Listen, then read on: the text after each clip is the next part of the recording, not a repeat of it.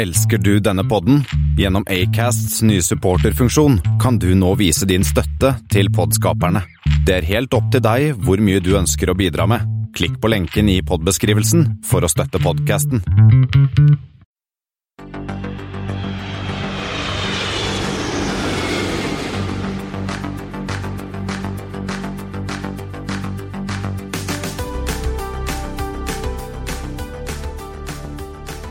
Hei og velkommen til Flypodden. Vi har i dag kommet til flight eh, 31. Og for en gangs skyld så er vi samlet her i eh, kjelleren her i Mjøndalen. Er ikke det hyggelig, gutter? Ut på landet, her lukter det godt. Absolutt. De som dere hørte her, var undertegnede Thomas Lone og Kristian Kamhaug. Og i dag har vi fått med oss en eh, tredje nerd, eller gjest, om du vil. Eller mer enn gjest. Vi har vel tenkt at han skal bli en slags fast innslag. Ja, En litt sånn sidekick. En, en, en sidekick til oss to. Det er altså Espen Næss. Og Espen, du kan jo si litt om deg sjøl.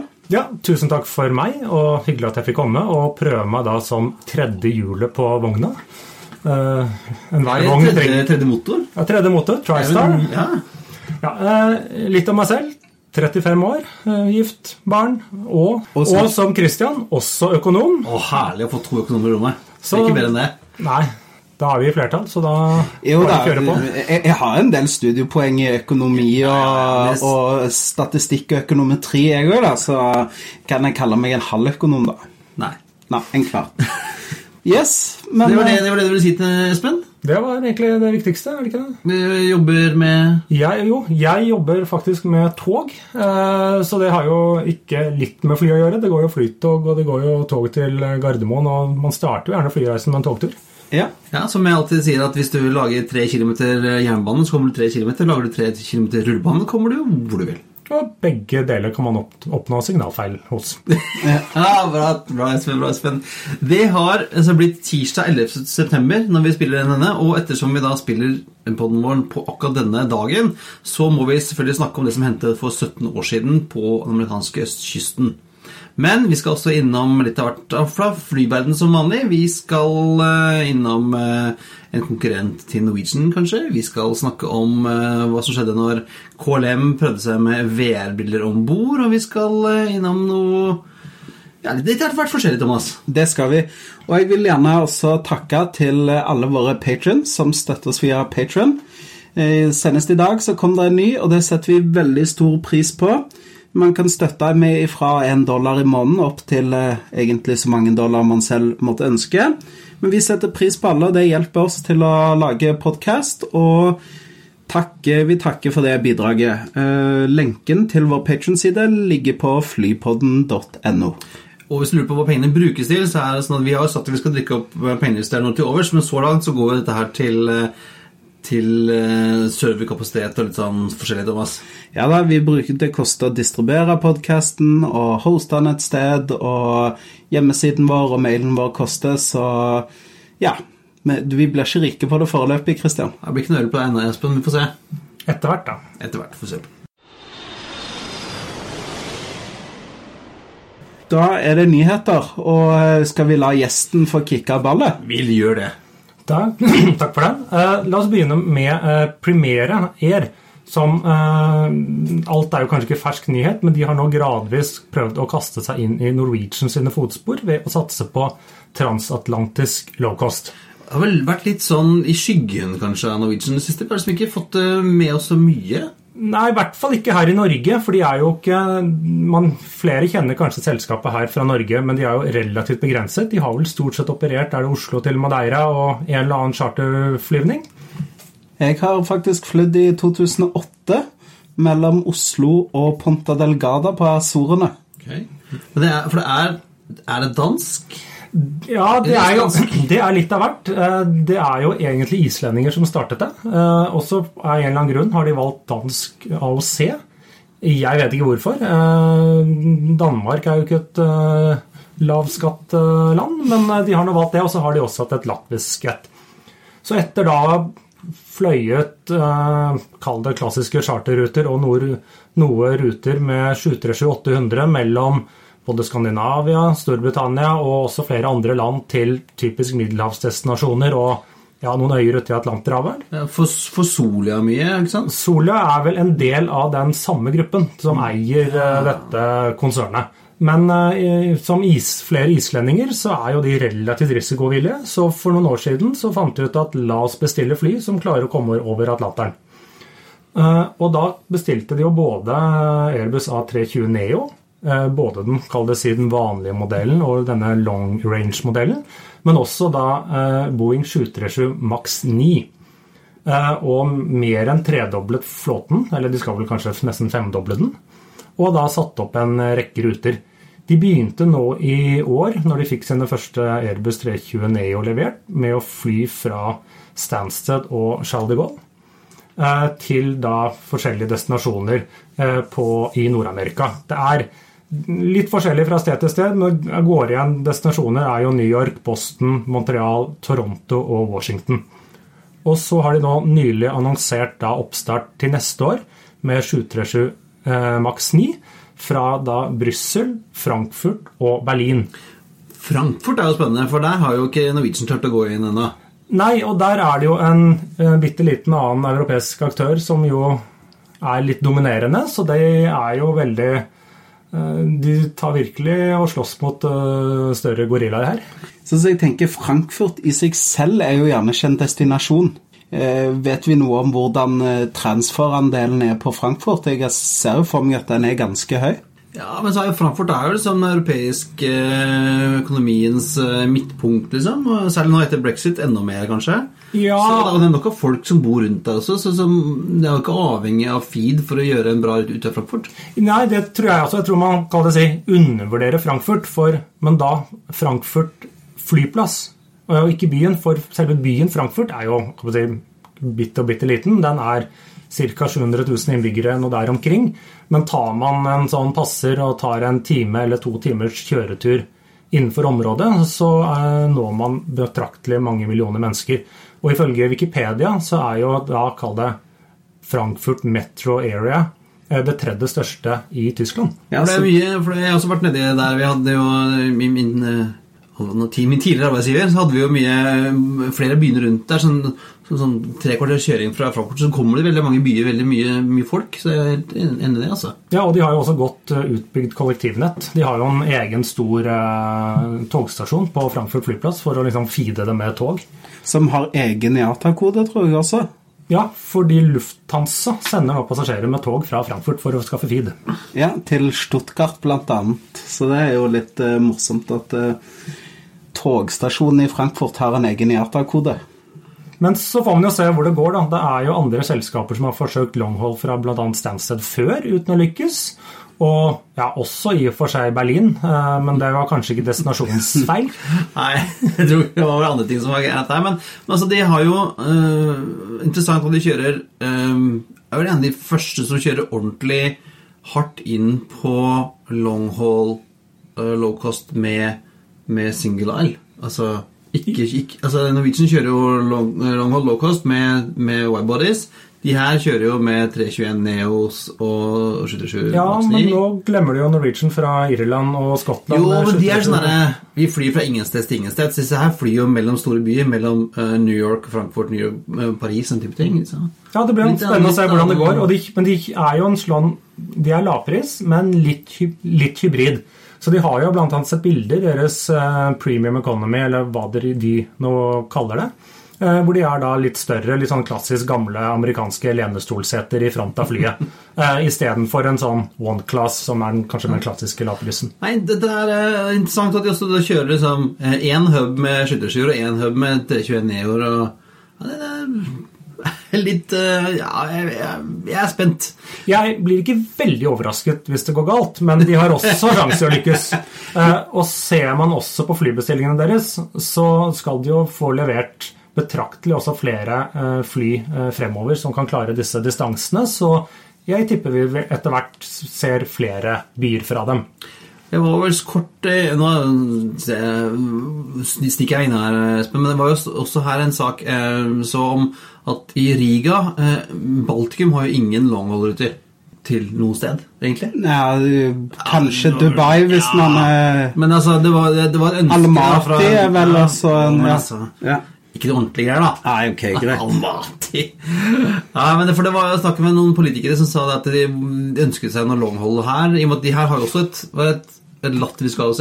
De har et latvisk AOC, og de skal jo få levert to sånne e- long range-versjoner av Airbus A321. Og jeg, men jeg vet ikke om den faktisk klarer eh, fra Riga til f.eks. New York. Men det er jo ganske langt. Ja, det er jo det ganske langt, for du skal jo enda lenger enn Berlin da, altså. Ja. Nei, vi får- se. Altså, interessant. Du er jo også Ja, da tror jeg at eh, konklusjonen er at vi setter vår nyeste medlem Espen til å følge med på Primera Air sin satsing. Men han setter ikke sparepengene sine på det. Ifra noe som er ganske håndfast og kanskje rasjonelt, kanskje ikke, eh, altså Primera sin satsing, så skal vi til noe som er helt ko-ko. Som du bare satt og rista på hodet og lurte på uh, hva har skjedd med verden. Ja, jeg satt eh, hjemme i går og jobbet litt, og så fikk jeg sånn nyhetsvarsel, og så viste jeg at flyplassen i Lyon var stengt. Og altså går mandag, uh, og så måtte jeg sjekke hva er dette for noe. Jo, det var altså en eller annen fyr da, eh, som har kjørt bilen sin. Eh, var en annen biljakt på, fly, på vei til flyplassen. Han var innom en sånn eh, småflyplass først, kom ikke inn der. Så kjører han bilen sin eh, gjennom dørene, glassdørene i terminalen, gjennom terminalen. Dette er jo helt sånn derre uh, Blues Brothers. Inn, og så gjennom og ut av terminalen og ned på tarmac og ned rullebanen med politiet etter seg. Først i bil, eh, og så hopper han ut av bilen sin, og blir han lø så løper politiet etter han. Og kjører etter Kjører etter han løper etter han. Det, det, det er noen, noen som har filmet dette fra utenfra, som sitter på et, et fly og venter på å ta av. Filmer han fyr som løper nedover flyplassen med politiet etter seg, og altså, Du fikk helt sånn uh, Inspektør Clouseau-følelse. Yeah. Fransk politi løper etter mannen og, altså, Det var helt ko-ko, bisarre greier. Uh, flyplassen var stengt i mange timer. Fly måtte fly andre steder, og det var helt ko-ko. Jeg aner ikke hva som skjedde. Eh, sier det ikke er terror, men han er en eller annen gjøk da, tydeligvis som eh, fikk det for seg at han skulle ut og kjøre flyplassen i dag. Det kan jo være at han eh, egentlig bare lette etter f.eks. flyplasshotellet der eller andre ting. Jeg har forsøkt kjøre dit og kjørte rundt og rundt på flyplassen, så kan jo være en teori, det. At han så etter hotellet. Skilting på fransk er ikke alltid like logisk. Det kan jo også være at han ble, var inspirert av eh, han mannen i Atlanta som for noen uker siden løp rundt på tarmac og hopp, Han prøvde å hoppe ned fyren på vingene. Yes, som prøvde å først hoppe inn og så hoppe ut. Og ja, de skjønte ikke helt hvor han kom fra. Så det kan jo være en copycat, dette her. Han var i hvert fall hadde med mer påkledd. Ja. Han her. Ja, han, det, det er bilder av han i mørke klær. Løp rundt på flyplassen. Helt ko-ko. Um, vi har selvfølgelig link til dette i shownotes. Eh, Gå og se på Gal mann på fransk flyplass. En, eh, og noen som er også galne, i hvert fall leverte et helt crazy resultat i forrige uke. Det var jo SAS, Christian. Ja. Og de har jo en eh, relativt uh, stor bestilling inne på Airbus A320-serien. Eh, og der um, er det nå snakk om at de ønsker For ofte når man bestiller uh, Airbus A320 eller Boeing, så er det litt sånn slack i forhold til hvilke flytyper man kan eh, lande på, da, hvis man skal si det sånn. lande. Ja. Sterkt radiofaglig. Eh, og sånn som eh, det som nå SAS eh, Det går rykter om at SAS da vurderer en A321 long range. Eh, og det tenker jeg eh, høres både sannsynlig og kanskje litt fornuftig ut med tanke på mm, geografien som eh, Skandinavia er, og destinasjoner som kanskje SAS ønsker å fly på, også med litt større frekvens, sånn type til den amerikanske østkysten. Men vil ikke SAS faktisk trenge de flyene de har bestilt til å erstatte kortdistanseflåten? Så dette må kanskje må komme som en tilleggsordre, eller eventuelt flere leasing? Ja, men hvis når, vi, når nyheten kom om, om orden, så var det jo ikke de, gjorde, de sa jo ingenting om hvilke modeller de skulle ha. De sa bare 321 Neo-familien. Og de har vel fått øh, De har fått 19 allerede. Av den første 30, og så har de bestilt 35 til. Ja. Eh, og de var jo ikke eh, De var jo ikke Kristian Gustavsson var jo åpen for at han kanskje, de kanskje kunne bestille enda flere. Sant? Eh, Og med det gode resultatet de har levert nå, og fortsatt altså de leverer kjempegode resultater gang på gang, på gang så finansieringen skulle være, være greit å få til.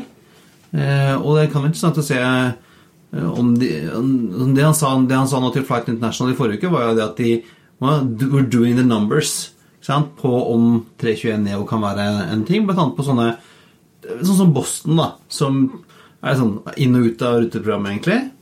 Kunne jo kanskje fungere godt med en, tre- med en 321 Neo istedenfor å kjøre en 330. Absolutt. Og eh, jeg vet du, Espen, følger jo med på en del av utfasingen av eh, SAS-maskiner. Og disse 600-maskinene til SAS går jo ut ganske kjapt om dagen, gjør det ikke det? Jo, de går jo ut på løpende bånd. Og i dag faktisk så forsvant det en maskin for opphugging i er det Wales eh, Ja. det ligger i. Så nå har de åtte stykker igjen. Ja, riktig. Så, det jo, jeg så det på Facebook, så var det sånn mange, mange som var sånn Å, sad face, men jeg måtte gi et stor opp, tommel opp, for det der er jo en eh, Er jo ikke akkurat en sparegris. Nei, den 600 har vært en dyr mas maskin for SAS, altså.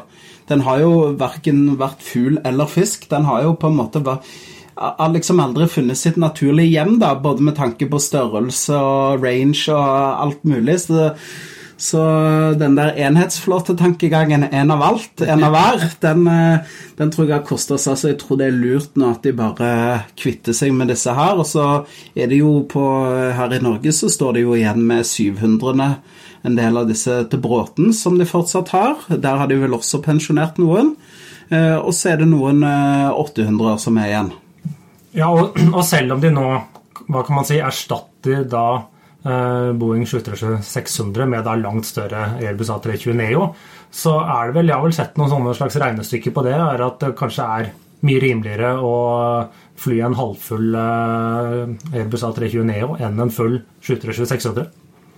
Ja, for det er jo ganske stor besparing på fuelkosten og, og vedlikeholdskosten. Og, og det, jeg sett, det, var noe av det som de snakket om også nå med stat, eh, at de har gjort, altså økt kapasiteten ganske mye uten at kostnadene har økt så mye mer. Og det hjelper jo når du liksom bare flytter på er 80 seter ekstra, så er jo klart det hjelper, det.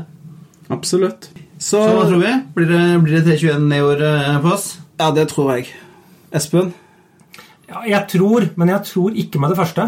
Jeg tror man må smøre seg med litt tålmodighet, men det er bare min magefølelse.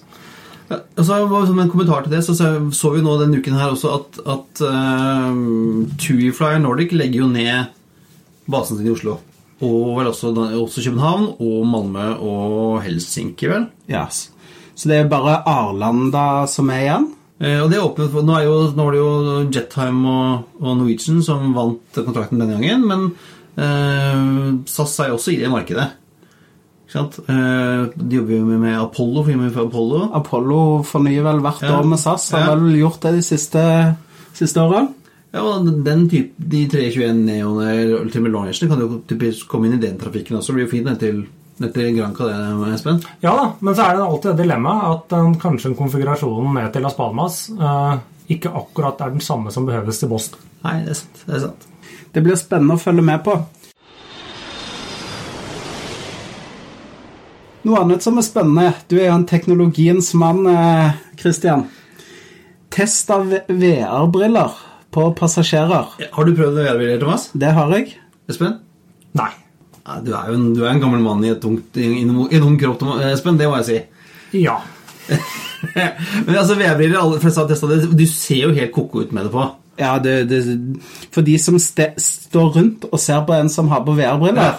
Så ser det jo helt mango ut. Ja, så, så eh, KLM gjorde en sånn test sammen med eh, nederlandsk sånn Airspace Research Center på hva skjer om bord i et fly med folk med VR-briller. For det er, det er selskaper som har vurdert skal de ha det som del av, av eh, underholdningstilbudet om bord. Sett deg ned, slapp av, lene deg i setet og få på deg VR-briller og være liksom helt inn i den verden.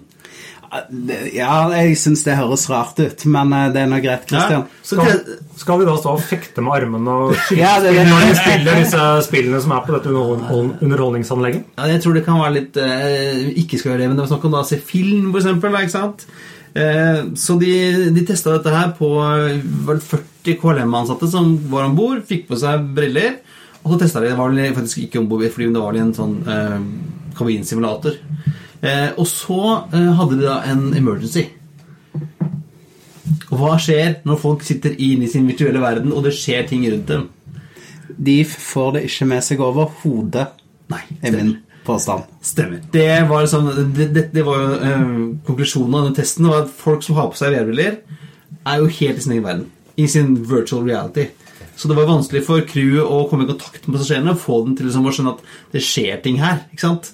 Og, og de hadde jo, det her var en sånn kabinsmater som rista, og det var røyk, men de ensa jo ingenting. De satt der inne og var på tur til månen, eller hvor de var hen. Så det er jo en, en, typisk en, en helt klar sikkerhetsrisiko. Og, crewet jeg har snakket med, syns jo allerede nå at vi passasjerer er vanskelig å få kontakt med. Så sitter der med headsetene våre og Bosene og som ikke følger med og er helt gone. Så det da i tillegg når du ikke, ikke, hører og ikke ser hva som skjer rundt deg, så er jo det klart en helt klar sikkerhetsrisiko.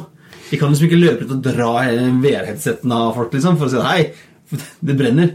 Ja, men jeg tenker likevel, altså, jeg har vært med i en sånn kabinsimulator nede på Emirates Training Center i Dubai, og det føles utrolig reelt. Så jeg tenker når vi, vi opplevde en sånn explosive uh, deep Hva heter det? Decompression? Yes, riktig. Eh, og hvis jeg hadde plutselig hørt de lydene, kjent de ristingene, vibrasjonene i maskinen osv., så, videre, så klart jeg hadde tatt av meg VR-brillene. Men hadde du ikke hørt eller sett en skitt? Men så er jo spørsmålet hva folk hadde gjort med taxfree-posene, som de tar med seg når de evakuerer. De er, de er alltid med. De glemmer ikke, Selv om vi er på VR-briller, så glemmer vi ikke taxfree-en. Husk hvor viktig taxfree er for å eh, opprettholde norske flyplasser. Det er, det er Christians mantra. Yes, nei, men eh, ja Jeg tror vi kan konkludere med at eh, ja, det kan nok være en sikkerhetsrisiko at folk sitter helt i sin egen verden. Både visuelt og audioelt avstengt fra resten av omverdenen. Og hvis det da skal skje noe, så tror jeg det er en stor utfordring å få kontrakt med en del folk. Ja. Men kanskje det kan hjelpe noen som veldig, har veldig flyskrekk, som vi skal snakke om eh, neste uke. I, i neste uke. Ja. Kristian, du er jo eh, opptatt av miljøet. Og eh, du har jo elbil, og du prøver å kildesortere, og, og, du prøver å leve så mye som du kan i pakt med naturen. Ja. Og noe av dette er jo eh, din bekymring for at en del, ca. en fjerdedel av de flyplassene i verden som er mest trafikkert, de ligger kun ti meter Eller fra ti meter over havet og da ned til under ti, meter ja. under havet. Mm. Eh, og det, mm, det, kan jo bli en utfordring i framtiden hvis havnivået øker. Ja, det, kom, det var liksom veldig aktuelt nå i forrige uke når vi hadde den, eh, når det var den der um, tyfonen i Japan. Som, som traff Kansai. Som traff Kansai, eh, som jo ligger, hvis vi ikke vet det, så ligger jo Kansai eh, Osaka, ikke det? Jo, jo, det stemmer. Ligger jo på en øy ute i havet som de må jekke opp et par jekk i året, den ja. flyplassen. Så den ligger, ikke, den ligger, jo omtrent på havnivå, og den eh, ble jo helt oversvømmet forrige uke under denne tyfonen. Og når da i tillegg en, en, en eller annen løpsk båt traff den broa som går mellom fastlandet og øya, så var det, det rimelig krise, for da var det 8000 pax hvert fall der ute som ikke kom noen vei. Flyplassen var stengt for dem full av vann. De kom seg ikke av. Eh, og de bildene eh, vil du se på Hvis jeg går inn på flypod.no, så er det bildene. Det så helt koko ut. Men det er også da eh, Som du var inne på, veldig mange flyplasser ligger jo ved havet. Og det er jo sin naturlige årsak, egentlig. At de fleste store byene ligger jo ved havet. Sånn var det i gamle dager. Eh, ordentlig gamle dager så var jo flyplassene var jo gjerne både land- og sjøflyplass, sånn som på Fornebu f.eks. Eh, og så er det noe med at eh, forholdene ved å ta av og lande er jo best, best eh, helt nede ved havoverflaten, egentlig. Hot and high airports det liker vi ikke. Vi liker jo å ha flyplasser langt ned ved havet. Så veldig mange flyplasser ligger jo langs nær, nær, vannet og lavt. Så det skal liksom ikke så mye Vannet skal ikke stige så mye før som flesteparten av store flyplassene, sånn som både alle nye flyplassene og, og San Francisco, Shanghai, København kommer til å ligge under vann. Da er det godt at vi har Gardermoen på en 600 eh, og noen og 20 fot, er det ikke det? Det ligger trygt. Og også I denne lista som New York Times eh, hadde, så hadde de med seg eh, Roma også. At den lå ikke så høyt over vannet. Men den ligger jo veldig langt inn i landet.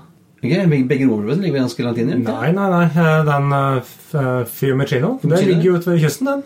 Ja, stemmer det. Jeg har aldri vært i Roma, så jeg, det får dere slåss om. Ja, men, ja. ja. Hvis du sier det, Espen, jeg stoler, jeg stoler på deg. Altså, du er økonom, jeg stoler, må stole på deg. Ja, jeg må det da. Ja. Men det er jo sånn at, at så med var det jo denne en artikkel i New York Times hvor du mener at det er liksom litt ironisk da at flytrafikk som får, som får, kjeften, får skylda for klimaendringene omtrent, eh, er jo såpass avhengig at de ikke får stigende hav. Ja, og det, jeg, jeg syns jo det er et paradoks. da. Nå er ikke jeg noe verken klimafanatiker eller klimanekter, men jeg tenker at flybransjen får uforholdsmessig mye kritikk. Kunne man redusert kjøttforbruket med en tredjedel, så Det vet jeg gjerne Espen steiler på, nei, nei, men eh, så, så, så kunne man jo f.eks. ha tatt mye av dette her, fordi at eh, klimagassutslippene fra kuer er jo da litt høyere enn det som det med, med flybransjen slipper ut. Så jeg, jeg tenker jo det at og når, når selv eh, FNs spesialutsending, eller heter for miljøvern, eh, vår gode mann Eirik Solheim snakker om det at eh, vi skal ikke ha dårlig samvittighet for å fly, så tenker jeg at fokuset kanskje bør være på litt andre steder. Nå er jo ikke jeg økonom, da, men jeg tenker at man får Man kan jobbe veldig mye med å redusere utslippene for, fra luftfarten men de pengene som man bruker på å få ned utslippene der, kan brukes mye mer effektivt i andre sektorer. Sånn, det gjelder om å få mest bang for the buck. Sånn, så kaster du en 10 eh, milliarder i research and development på, for å få ned flyutslipp, så er det kanskje andre steder de 10 milliardene kaster av seg eh, bedre, tenker jeg, da, i andre bransjer. Ja, for det sånn, altså, Flytrafikken står for ca. 3% av alle, klima, alle klimautslipp i verden. Og det er liksom litt mindre enn kupromp, har jeg lest. Okay. Ja. Eh, så litt mindre biffespenn, så kan vi fly Og så har det jo skjedd mye. altså Vi, på, vi har jo snakket mye om, om, eh, om A320 Neo, f.eks., som nå slipper ut 30% mindre enn de gamle maskinene. Så det har skjedd en enorm utvikling på, på liksom, klima, altså på fugleøkonomien, da og, og, nå har man jo begynt å si, kalle det utviklingen eller det si forskningen på mer elektriske fly. Jeg tror det er langt unna og første omgang på kall det si kortdistanse, men det vil jo komme på et eller annet tidspunkt. Så jeg tror vi, vi, trenger, ikke, vi trenger ikke å gå tilbake til flybåten ennå. Nei, men det var jo noe nostalgi med det òg.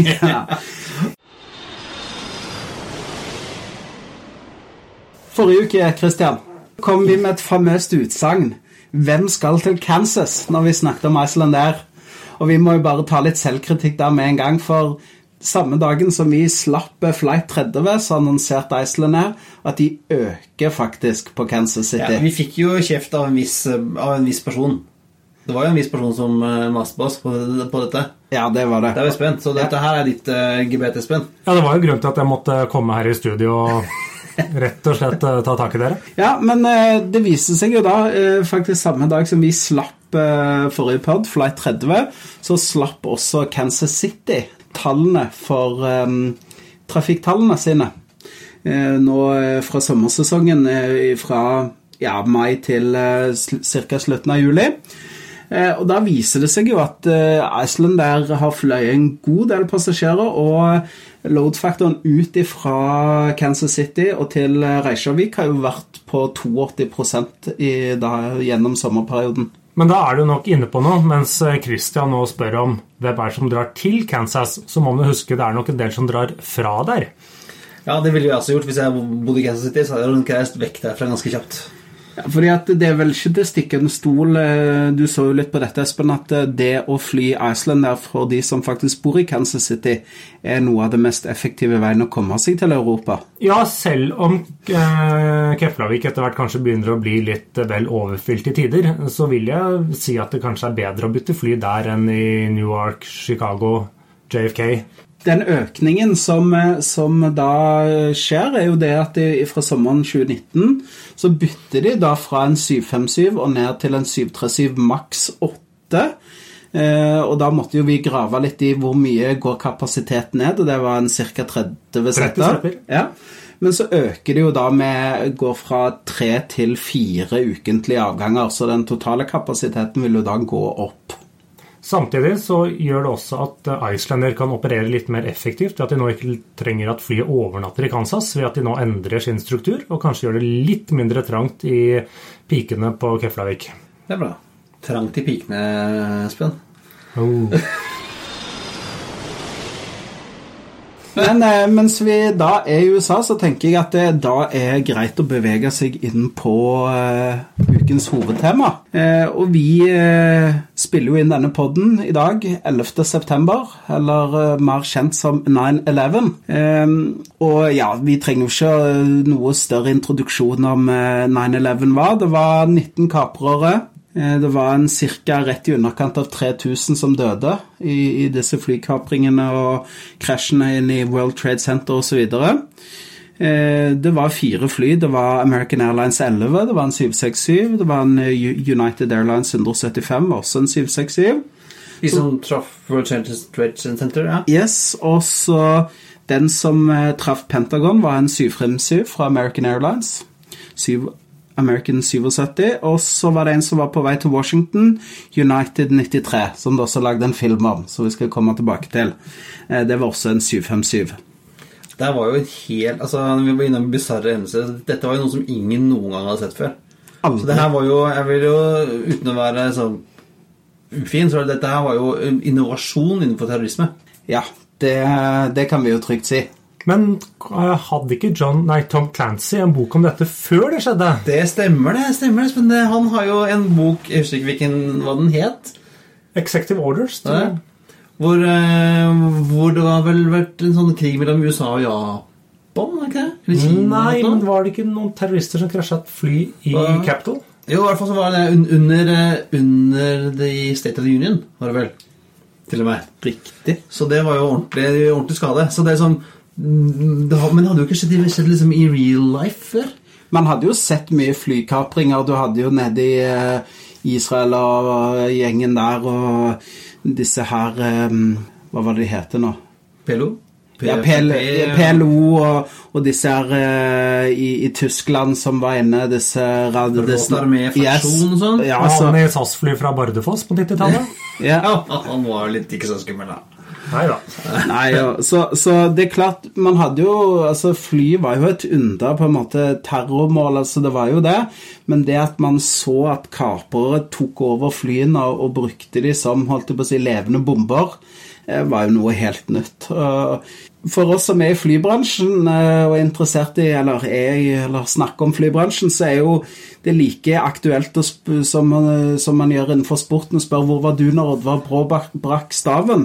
Så jeg tenker jo, Kristian, at vi kan spørre deg, altså, hvordan opplevde du? Du jobbet jo faktisk i flybransjen da når dette skjedde.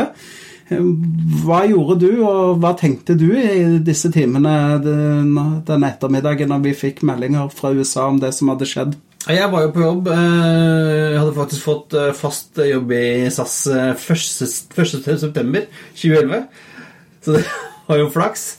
Eh, Jeg var på jobb, eh, og så fikk jeg vel melding av kona mi tror jeg, om at et fly som hadde truffet World Trade Center. Det er en eller annen idiot som har fløyet småflyet sitt inn i veggen. Har jo, sånn, sånne ting har jo skjedd før, at, at småfly har truffet bygninger. Eh, Men så kom det, fikk, kom det som etter hvert fram hva som hadde skjedd. At det var store, at det var liksom passasjerfly. Um, Og så så man jo live at andre fly traff senteret. Um, så det, det vi gjorde, var at det var flere av oss eh, som satt på hovedkontoret, norske hovedkontoret på Fornebuveien. Så gikk vi inn i et, et eh, møterom, og jeg fant en TV, skrudde på TV-en, sto og så på dette. Så liksom, og da tror jeg vi så det andre flyet traff eh, og så vi, altså, vi var sikkert 20 stykker, sto der helt stille og sto og så på. Og så var det plutselig en av direktørene som bare fryser, og så bare løper han ut av rommet. Du, Hva har skjedd nå? Og så kommer han tilbake et kvarter og sier han bare Ok, eh, våre fly er trygge. De er på bakken i Canada. Ja, riktig. Og det hadde liksom jeg, Vi hadde jo da hva, tre eller fire fly på vei over den, eh, den, eh, den morgenen der. Ja, for de hadde jo gått da fra Europa på formiddagen, 11-12-tiden, 10-11-12, Ja, så, de var så de var på vei, ja.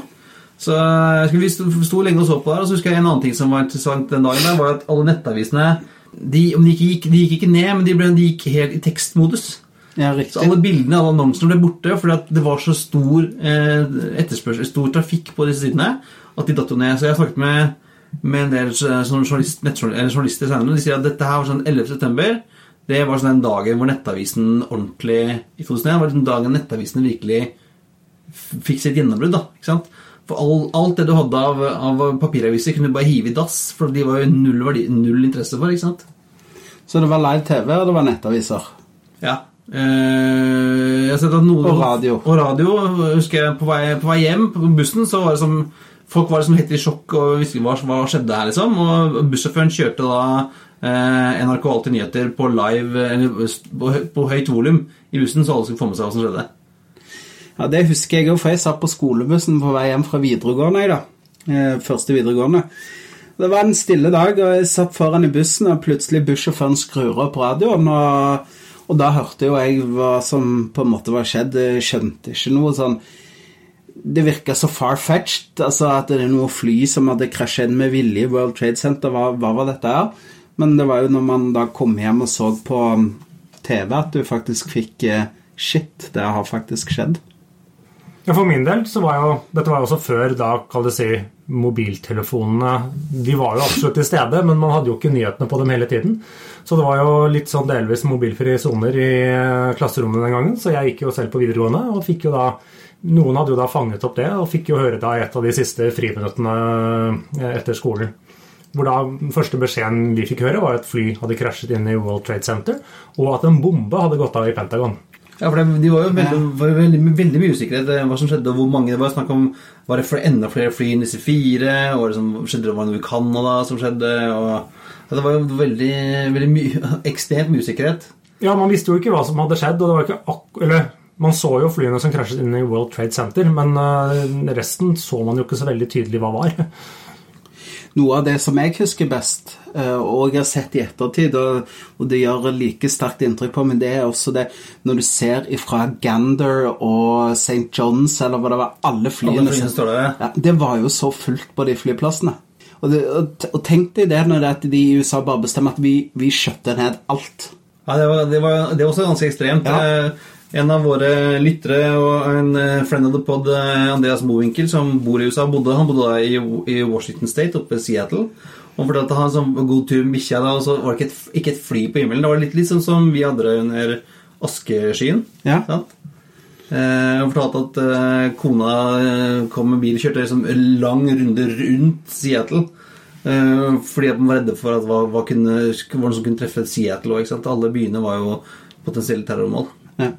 Og det er jo det, er Tenk deg de ringvirkningene de hadde for alle de flyene som, som skulle til USA den formiddagen, som kom fra Europa. Eh, De eh, kan du bare tenke meg hos SAS, de hadde jo ikke så mange fly, men tenk deg British Airways, Lufthansa etc. Tenk deg på operations der. Der kan jeg tenke meg at det kokte. Du skal, du skal skaffe liksom transport av alle disse passasjerene, du skal innlosjere dem et sted.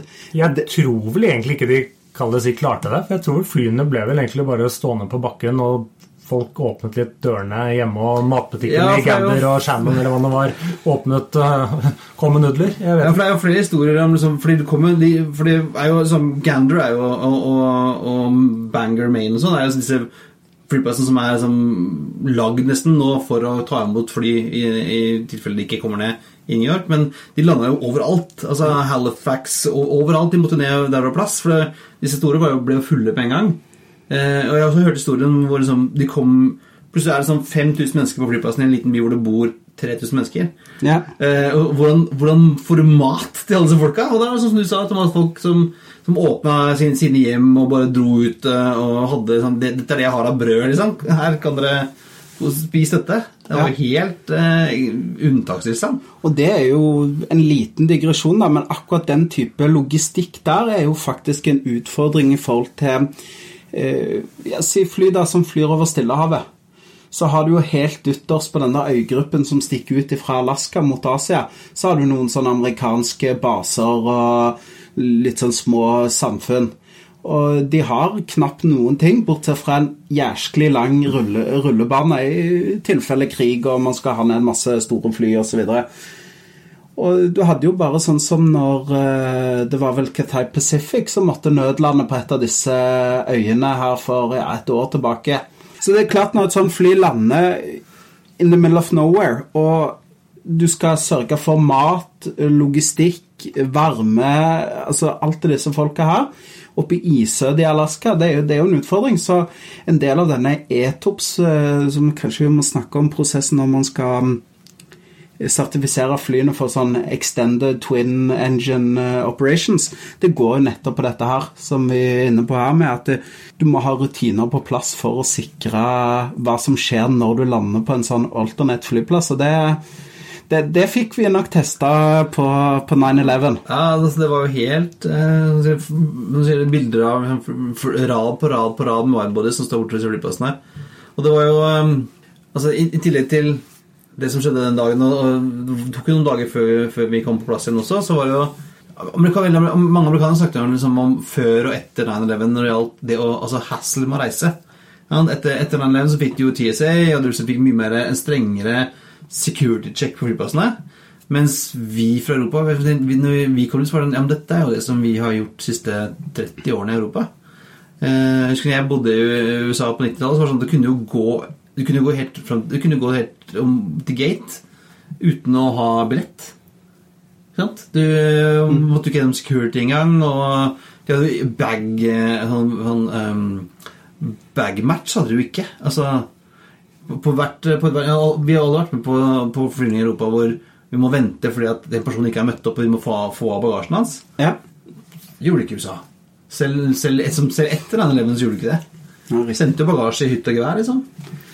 Nei, den, den største endringen kan si, vi her i Europa merket, var jo egentlig kanskje ikke så mye på flyplassen med en gang, men det var jo det at eh, det, det, skjedde jo, det slo jo hardt ut over flyselskapenes økonomi. Så da måtte jo de begynne å kutte. Eh, og du kan jo si det er jo et luksusproblem, eh, men eh, det var jo da man fikk, man skal si, fikk fart på seg for å starte denne man fikk mindre og mindre om bord. Og det ble mer og mer mot såkalt buy on board etter hvert. og det, jeg tror det ville kommet uansett, men det ga i hvert fall et spark bak når flyselskapene måtte spare mange mange milliarder kroner når de plutselig mistet veldig mange passasjerer. Ja, og så røyk jo Swisser, Sabena, Ansett og mange som, og flere som røyk som de like etterpå. Altså, Varig var jo en av de store som røyk. Ja, altså, det var jo sånn veldig mange av de, sånn, de syke, syke, dyrene som måtte ut, liksom. Ja, de hadde nok røket uansett, men det ga i hvert fall en sånn liten kickstart, eller det var en katalysator for å rydde opp. Og så ble det jo faktisk litt endringer i flyflåtene. Ehm, det ble jo parkert veldig mange av disse 747-klassikene. 727 forsvant, ja. ja.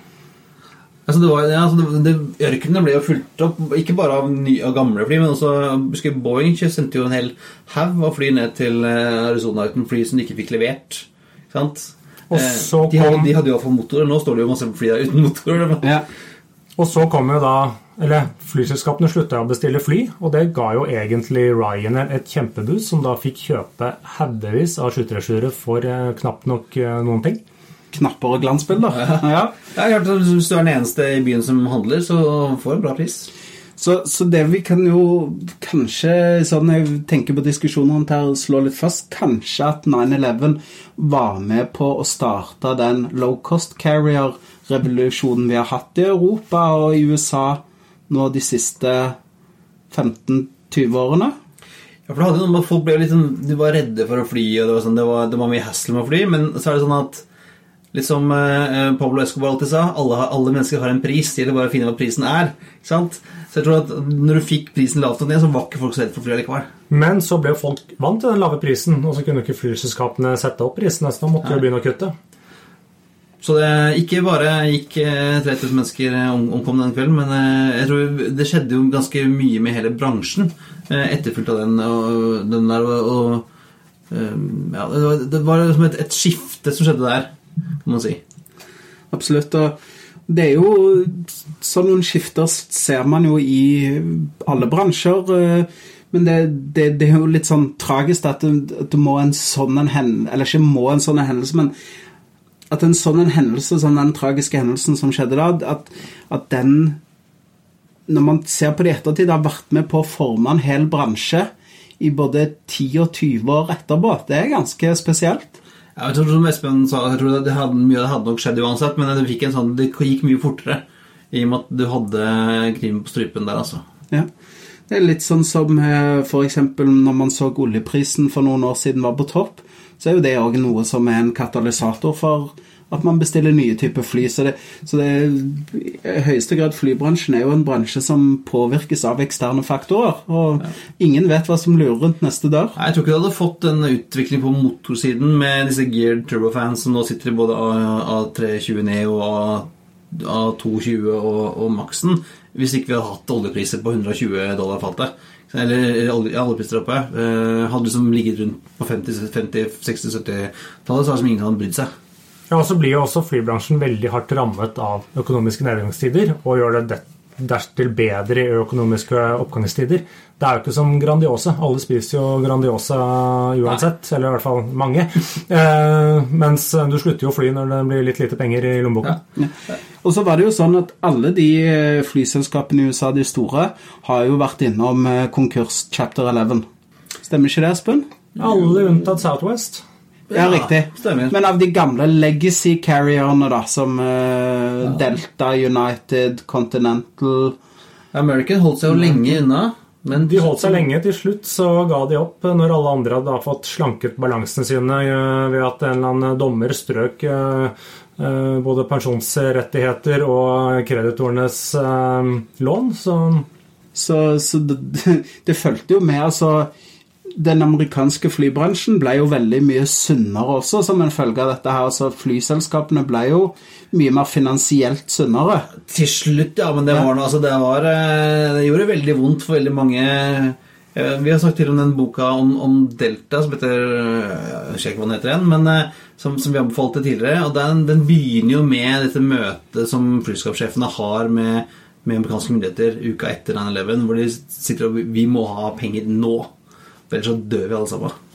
Men det er klart, eh, nå har vi jo gjerne sett pendelen svinge litt eh, for mye andre veien igjen. Nå mener jo en del at flyselskapene i USA tjener altfor mye penger igjen. Eh, så det er jo det er, det er, vanskelig. Og det er vel sjefen for American har vel sagt at uh, vi kommer aldri til å tape penger igjen. Men jeg tror han kommer til å spise de ordene om noen år. Ja, for det er altså en, en ekstremt syklisk bransje. Ja. Jeg tror vel at jeg tror han sa at eh, i årene fra 2001 til 2005 så tapte verdensmesterskapet like mye penger som de hadde tjent i de 60 foregående årene. Ja, det setter ting litt i perspektiv. Men hadde de tjent noe de 60 foregående årene? Nei, noen hadde jo det, da. Skal vi gå videre, Thomas? Yes, I sendingen? Det må vi gjøre. Ukens anbefaling er jo da eh, noe du vil anbefale, Kristian. Jeg kan jo òg stille meg bak den anbefalingen, da. Men um, vi var jo kort inne på det. United 93 en film du vil anbefale, Kristian? Ja, vi må nesten, Når vi snakker om 9-11, så må vi nesten anbefale United 93. Må ikke for, for, uh, forveksles med Flight 93, som er en dårlig film. United 93 er en veldig bra film. Uh, får vel en godt over syv på IMDb, tror jeg. Regissert av han Paul Greengrass. Kjenner du til han, Espen? Nei. Nei, du har ikke lest aviser, for det er han som nå har lagd denne uh, 22. juli-filmen. Jeg tror jeg må begynne å se flere filmer, jeg. ja, altså, altså, altså Flight 93, som handler da om dette ene flyet som Det siste av de fire kaprede flyene som ikke eh, havnet i Washington der vi tror det skulle, men der hvor passasjerene gikk sammen fordi de faktisk hadde snakket med folk på bakken eh, på telefon og visste hva som foregikk eh, i, på østkysten. Visste at, eh, hva som skulle skje med dem. De skulle krasjes, og da tok de sånne ansvar. Som gode amerikanere, selvfølgelig. Tok ansvar og, og fikk stoppet terroristene før de nådde fram. Og de havnet da i et uh, jorde i Pennsylvania. Uh, alle sammen omkom der også, men de, de, det kunne gått mye mye verre om ikke liksom, disse om bord hadde tatt ansvar. Ganske, ganske tøff uh, film. Uh, jeg anbefaler å, å, se den. den er, uh, han, han, Greengrass gjør bra greier. Det er godt, godt, god research. Ikke sånn, kan, sånn spekulativ. Veldig, en bra film som jeg anbefaler å se. Da noterer vi oss det, Christian. Espen, hvordan føler du at det har vært? Ja, jeg sitter jo her enda og har ikke blitt kastet ut. Nei. Kommer du tilbake en annen gang? Hvis jeg får lov? Ja, det skal du få lov til. Ja, Men da sier vi at det er på tide å feste, spenne fast setebeltet, rette opp stolryggen og sørg for fri sikt gjennom vinduene for landing. Som alltid finner dere linker til det vi har snakket om i dag på flypodden.no. Dere finner oss også på facebook.com flypodden, på Instagram med handel at flypodden og Twitter at flypodden. Neste uke Christian, da har du vært ute på tur og intervjua noen som har snakka om det. Vi skal snakke om flyskrekk neste uke. Og det er litt fjernt for oss, kanskje. Ja, men eh, for mange Jeg vet at en del som faktisk hører på oss, eh, har- er litt redde. Og det er veldig mange Jeg tror vi, de av oss som er litt, kan litt om fly, får vel snakke, blir ofte kanskje kontaktet av folk vi kjenner i, i, i, liksom i vennekretsen som er redd for å fly. Så vi skal eh, snakke litt om flyskrekk neste uke, og også komme med noen gode tips på hvordan man kan jobbe med flyskrekken sin. Det gleder vi oss til. Så hvis du har noen spørsmål, kommentarer, fete sponsoravtaler, ris eller ros eller hva det måtte være, så når du oss på hallo, alfakrøllflypodden.no. Takk for nå, og velkommen om bord neste uke. We thank you for flying with us today. We truly appreciate your business and look forward to serving you on a future flight.